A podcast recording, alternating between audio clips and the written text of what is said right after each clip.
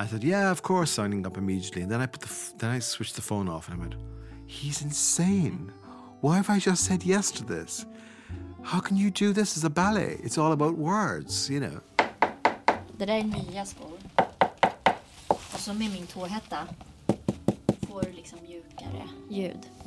How do you tell the story in dance? Hmm. I had no idea. Hur gör man ballett av Lewis Carrolls absurda bok om Alice i Underlandet? Och vad är det Alice hittar egentligen när hon kryper ner i kaninhålet? Är det kanske rent av droger som Beatles antydde i en av pophistoriens mest kända låtar?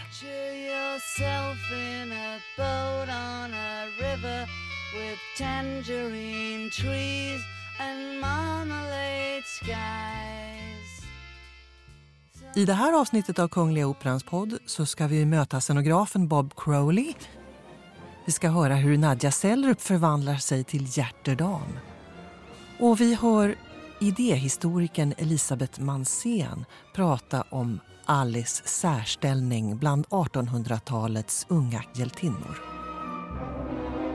Alice är rätt unik, får jag nog säga. Hon är speciell därför att hon ständigt får nya perspektiv på tillvaron, ofta rätt brutalt.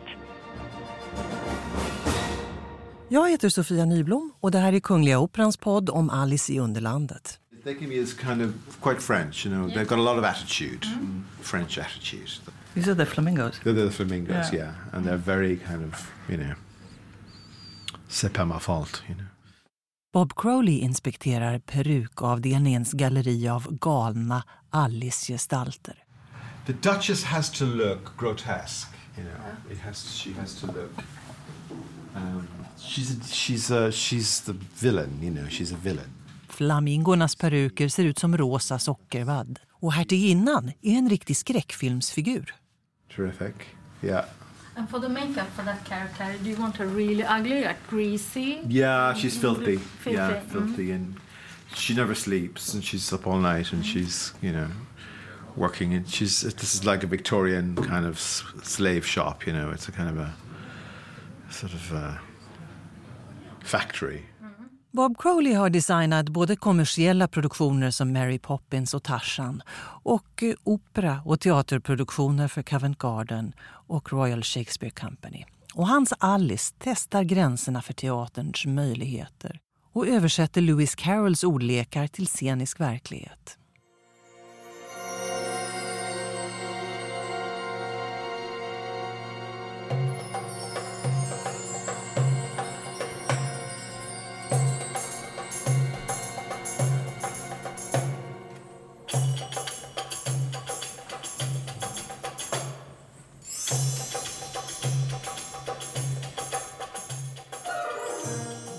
I remember exactly where I was. I was walking down um, at the Avenue of the American, America, Sixth Avenue in New York, passing the Time um, building, and um, I got a phone call saying, "Bob, it's Chris. I want to do a full-length ballet, um, and of Alice in Wonderland, and I want you to design it." And I went, "Oh my God, that sounds amazing!" I said, "Yeah, of course, signing up immediately." And then I put the f- then I switched the phone off, and I went, "He's insane. Why have I just said yes to this?" De flesta känner säkert Alice i Underlandet som den där flickan som somnar på flodstranden och drömmer sig bort genom ett kaninhål till en värld där djuren pratar och allt är upp och ner. For me, the way into the, into the story and the ballet was to reference childhood, a Victorian childhood, because I think that's what Lewis Carroll is sort of obsessed with. That sort of pre World War one England, that kind of English idyll of um, Oxford and the kind of those long lazy days on the water and picnics and cricket and that whole Englishness thing. Det är den där brittiska barndomsnostalgin som förknippas med förkrigstiden. In our living room, we had a, a needlepoint of um, kind of cottage in the country with Korsstygnsbroderier av devisen Home Sweet Home och allt det där, säger Bob Crowley.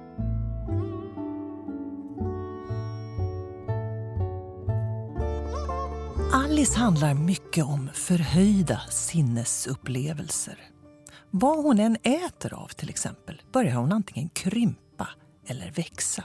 Det är en fantastisk, magisk verklighet hon kommer till i Underlandet. Det är ju med en sån här smakupplevelse som historien börjar när hon dricker den här besynliga flaskan och beskriver smaken som en blandning av körsbärstårta och vaniljsås och ananas och stekt kalkon och karameller och varmt rostat bröd och sånt.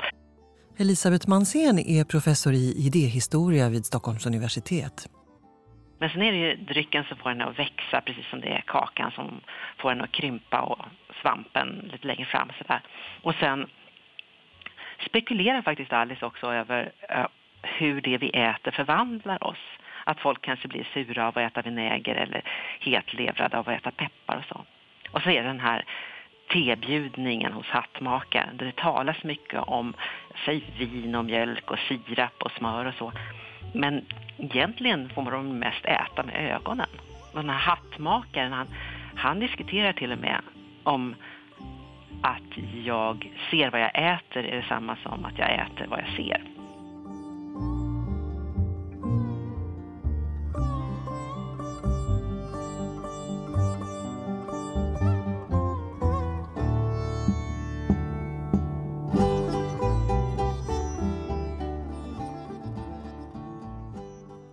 Mycket av Alice sökande i Underlandet kan tolkas som en tonårings växtverk och försök att förstå en komplicerad vuxenvärld. We've all asked ourselves, who am I, you know, at some point in our lives. If, particularly when we're adolescents, yes. possibly. Yes, it does feed into that kind of ambiguity and that lack of confidence and sometimes overconfidence. You think you know everything in it when you know nothing, you know. Mm-hmm. And so you're kind of you think you can confront anything, and yet you're incredibly vulnerable when, when something terrible happens to you. You, you. you have no means by which to survive it, you know.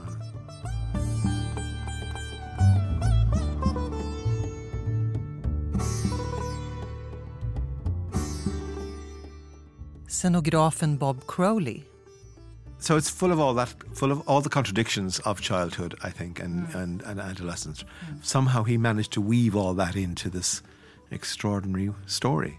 Elisabeth Mansén. Hon behåller hela tiden sin öppenhet och sin nyfikenhet inför den här obegripliga världen som hon möter. Och vi är många som tycker att världen ibland är rätt svårhanterlig. Så en bit in i berättelsen så är hon inte längre säker på vem hon är. Om hon är densamma som när hon vaknade på morgonen Och det här med att upplevelser och erfarenheter förändrar oss i grunden, det tycker jag är väldigt intressant. Men för att vara en tonåring i 1870-talets England så är Alice långt före sin tid. Rent av en tidig suffragett, tycker Bob Crowley. Her independence is quite is quite startling and shocking for her time. You're absolutely right. Um, yes, she has. She is kind of pre, pre-suffragette. Yeah, she has that kind of um, you know, she's thinking for herself. Um, she's making it up as she's going along. She she um, she is an independent spirit, and that's remarkable, right? In, in probably unique in children's literature of the time. I would have thought, yeah. Underlandet domineras av en drottning vars undersåtar spelar krocket med igelkottar och flamingos. Hon halshugger ju folk. Det är ju bara så här off with their heads hela tiden, av med huvudet. Premiärdansösen Nadja Sellrup spelar en drottning som älskar att missbruka sin makt.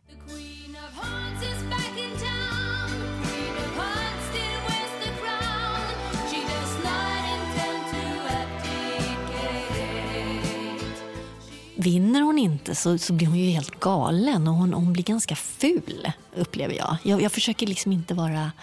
Eh, Nej, men jag, så jag tror att det är, jag tror inte hon har riktig kontroll på sig själv helt enkelt. Det är så det märks. Det, det, hon, det bara händer, saker händer henne. Liksom. Eh, hon rullas ju omkring i de här stora hjärtervagnarna och så men så fort de släpper henne lös så känns det som att hon skulle springa vilt på ett fält någonstans kanske. Liksom. Så den här vagnen som du kliver upp i den är för att hon inte ska tappa kontrollen helt, är det så? Ja, jag vet inte. Det här kanske är lite mina egna bilder av henne. Men mm. ja, jag känner så. Det är lite kontroll. Då kan de åtminstone rulla omkring henne lite som de vill. Annars så har de nog ingen koll på henne i hovet.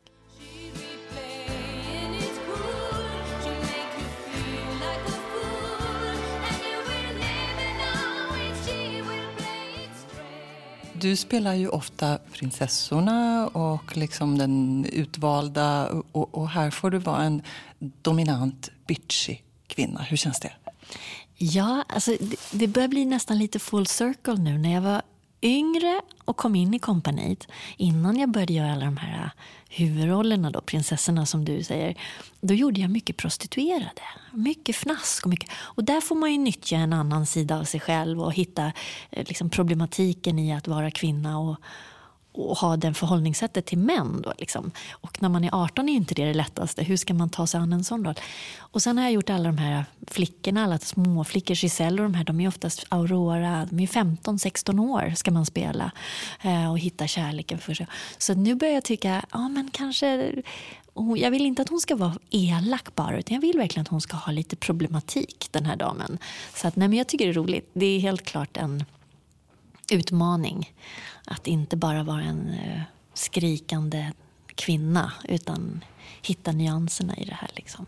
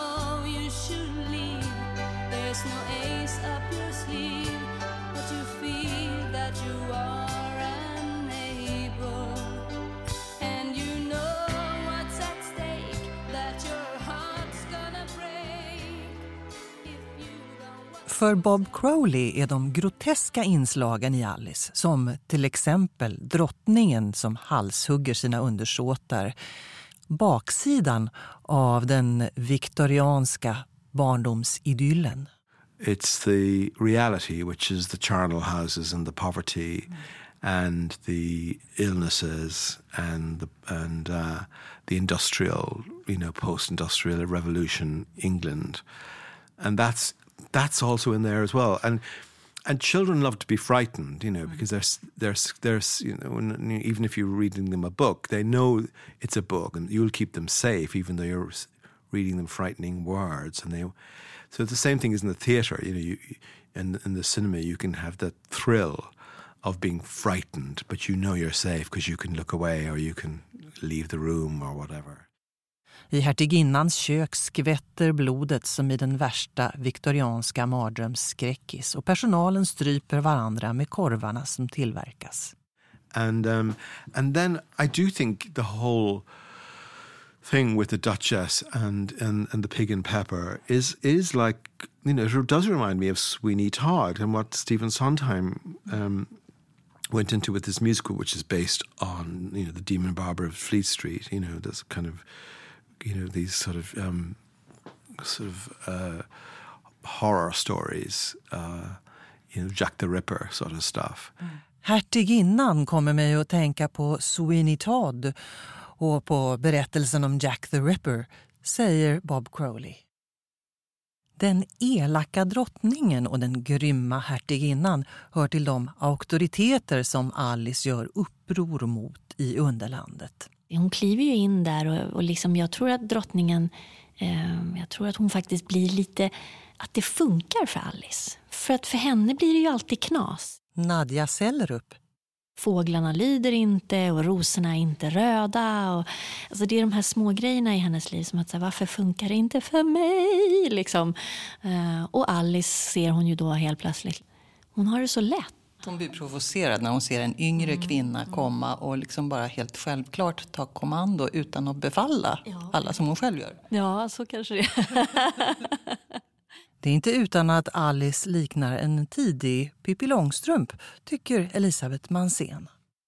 Det finns ju något i den här eh, oförskräckta, eller ibland också förskräckta, eh, men ändå framåtandande här att hon ändå hela tiden finns det ett komplicerat samspel mellan låt oss säga, tillit till, till den vanliga världen och en kritisk distans till vad man träffar på. Och sånt där. Att man kan hantera det svårförutsägbara.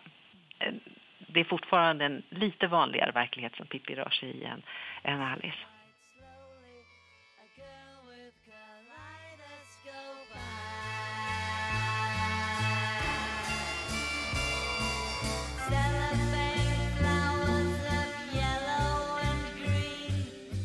Det är kanske inte så konstigt om 1960-talets ungdomsrevolt förknippas starkt med en rebell som Alice i Underlandet.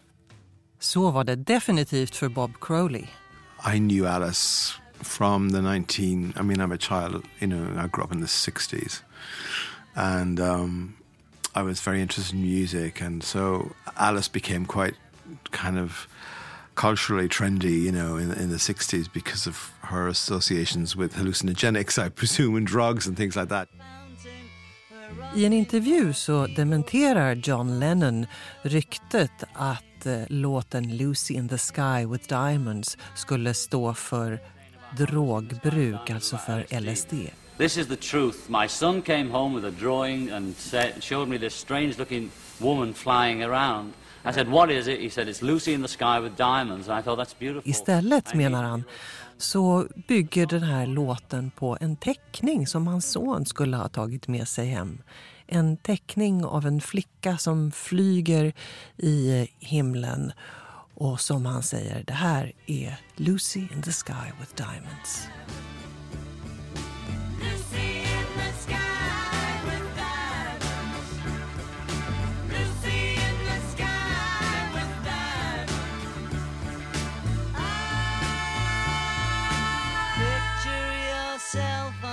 Train in a station with plasticine pauses with looking glass ties. Suddenly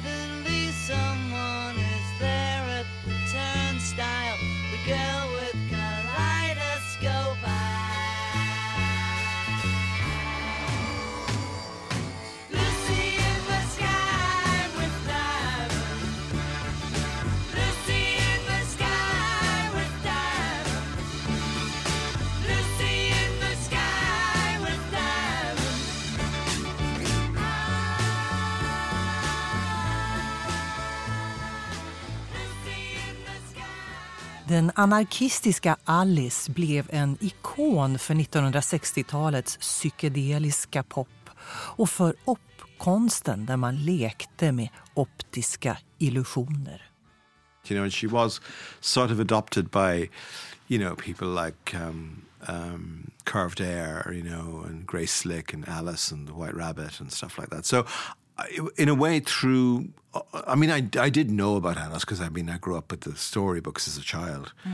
but it it it got a, a, new dimension. It became a different thing to me as a teenager, mm-hmm. and so I read it properly. Then I didn't read because it's almost impossible to read that story to a child. Men redan när Lewis Carroll skrev sin bok så var droger och inte minst opium på modet. Något som märks i scenen där kolmasken undervisar Alice medan han röker vattenpipa sittande på en svamp.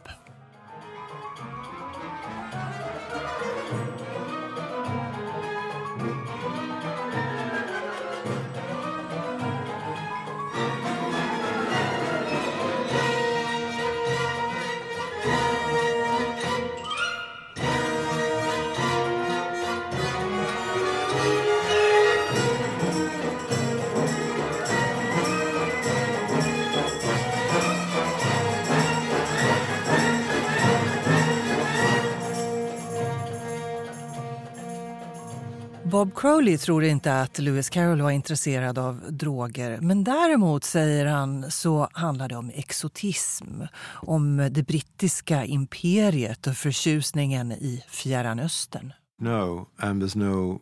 But there was an interest in it, you know. There was an interest in it. And, and all that interest in, in, um, in, in the East at the time, in Eastern literature and... Um, you know, there, there was in the in, in Indian art and all of that stuff, and some, and Morocco and all of that, you know. So that and also it came through the through the, the British, British Empire, you know. I mean, that's I mean they that all came back, you know, and and uh, the Opium Wars and all of that stuff. I mean, that was all au courant at the time, you know. So um, yes, that all came back to haunt them in lots of ways. So he's he is dealing with the empire. Yeah. Christopher Wildams ballett Alice i Underlandet exponerar flera olika dansstilar inklusive en steppande hattmakare. Men berättelsen bärs av klassisk ballett och för en sån som Nadja Sellrup innebär det att tåspetsskorna åker fram för första gången på ett år. Nadja, det här är väldigt många ballettskor. Använder du alla de här? Inte samtidigt, men jag har ungefär 30 par igång i stöten. Och så, så varvar jag. jag. jag. tycker om att ha mycket skor. Men det här är väl lite mitt projekt här på våren. Jag kanske borde rensa ut lite. Men du ser längst ner ligger ju bara osydda, helt nya. Så att, men det här är mitt skoförråd. Fast det är säkert skor från fem år tillbaka, vissa. Men det här är Svansjönhörnan, det här är renoveringshörnan. Det här är infärgade skor och det här är dåliga skor. Och varför behåller du de dåliga? Ja, för man vet aldrig. Det kan finnas här rep när man bara ska stå och bara inte göra något speciellt kanske ibland, så här mimscener och så ska man ändå ha lite tå. Då kan man använda någon sko som inte är så bra. Så. Som man inte vill slita på? Ja, det vill jag. Det är så här recycled Nadja. Mm. Men de här röda här uppe, det är drottningen? Ja, precis. Nu har jag börjat sy ihop det. Så nu har jag två och ett halvt par har jag sytt klart.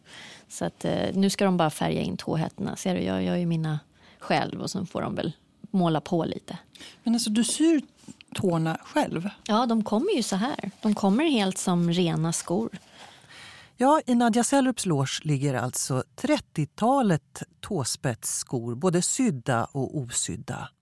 Jag tror alla tjejer har sitt recept. En del syr inte. En del klipper bara bort tyget och, så, så, och en del limmar bara på. En del limmar på en eh, eh vad ska man säga, sån här mockahätta, vet jag vissa tjejer som gör. Um, men det är som att man har sin egen preference. Jag tycker att just, vi har ju lutande golv här i Stockholm. Så jag tycker att det sparar mina skor mycket längre.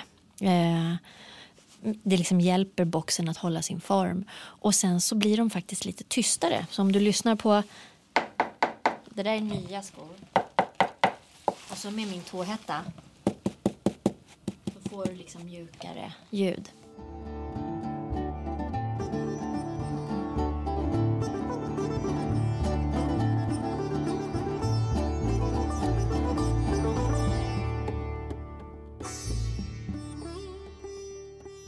Christopher Wildens ballett fick sin urpremiär på Covent Garden i London 2011. Och nu gör den succé på scen efter scen runt om i världen. Det är som att Alice är evigt aktuell.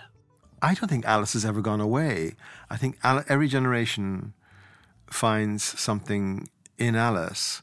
Um, and what's interesting about the ballet is that it's now introducing a whole new generation to ballet and, and narrative ballet. Rebellen Alice är kanske inte någon man älskar i första taget. Men i balletten, tycker Bob Crowley, det är kanske där man gillar henne för första gången. She's hard to love, I think. I think you love her in the ballet for the first time, I think. I think you love the characters in Alice in Wonderland and you love the situations in Alice in Wonderland. And and I think, but as for Alice, she's rather snooty in the book and a bit kind of you know she's a bit kind of judgmental i think and she's she's not very she's not very sympathetic i don't think. Mm. um, but maybe that's part of her mystery that you don't really get to know her very well. Maybe that's why she, it's still kind of um, you know it still has traction. I don't know I det här avsnittet av Operapodden hörde du utdrag ur Joby Talbots musik till ballett Alice i Underlandet.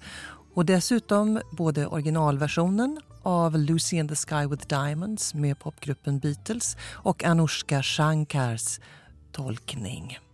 Jag som har satt ihop Operapodden heter Sofia Nyblom. För ljudmixen svarar Elin Rosenberg och podden görs hos produktionsbolaget Munk.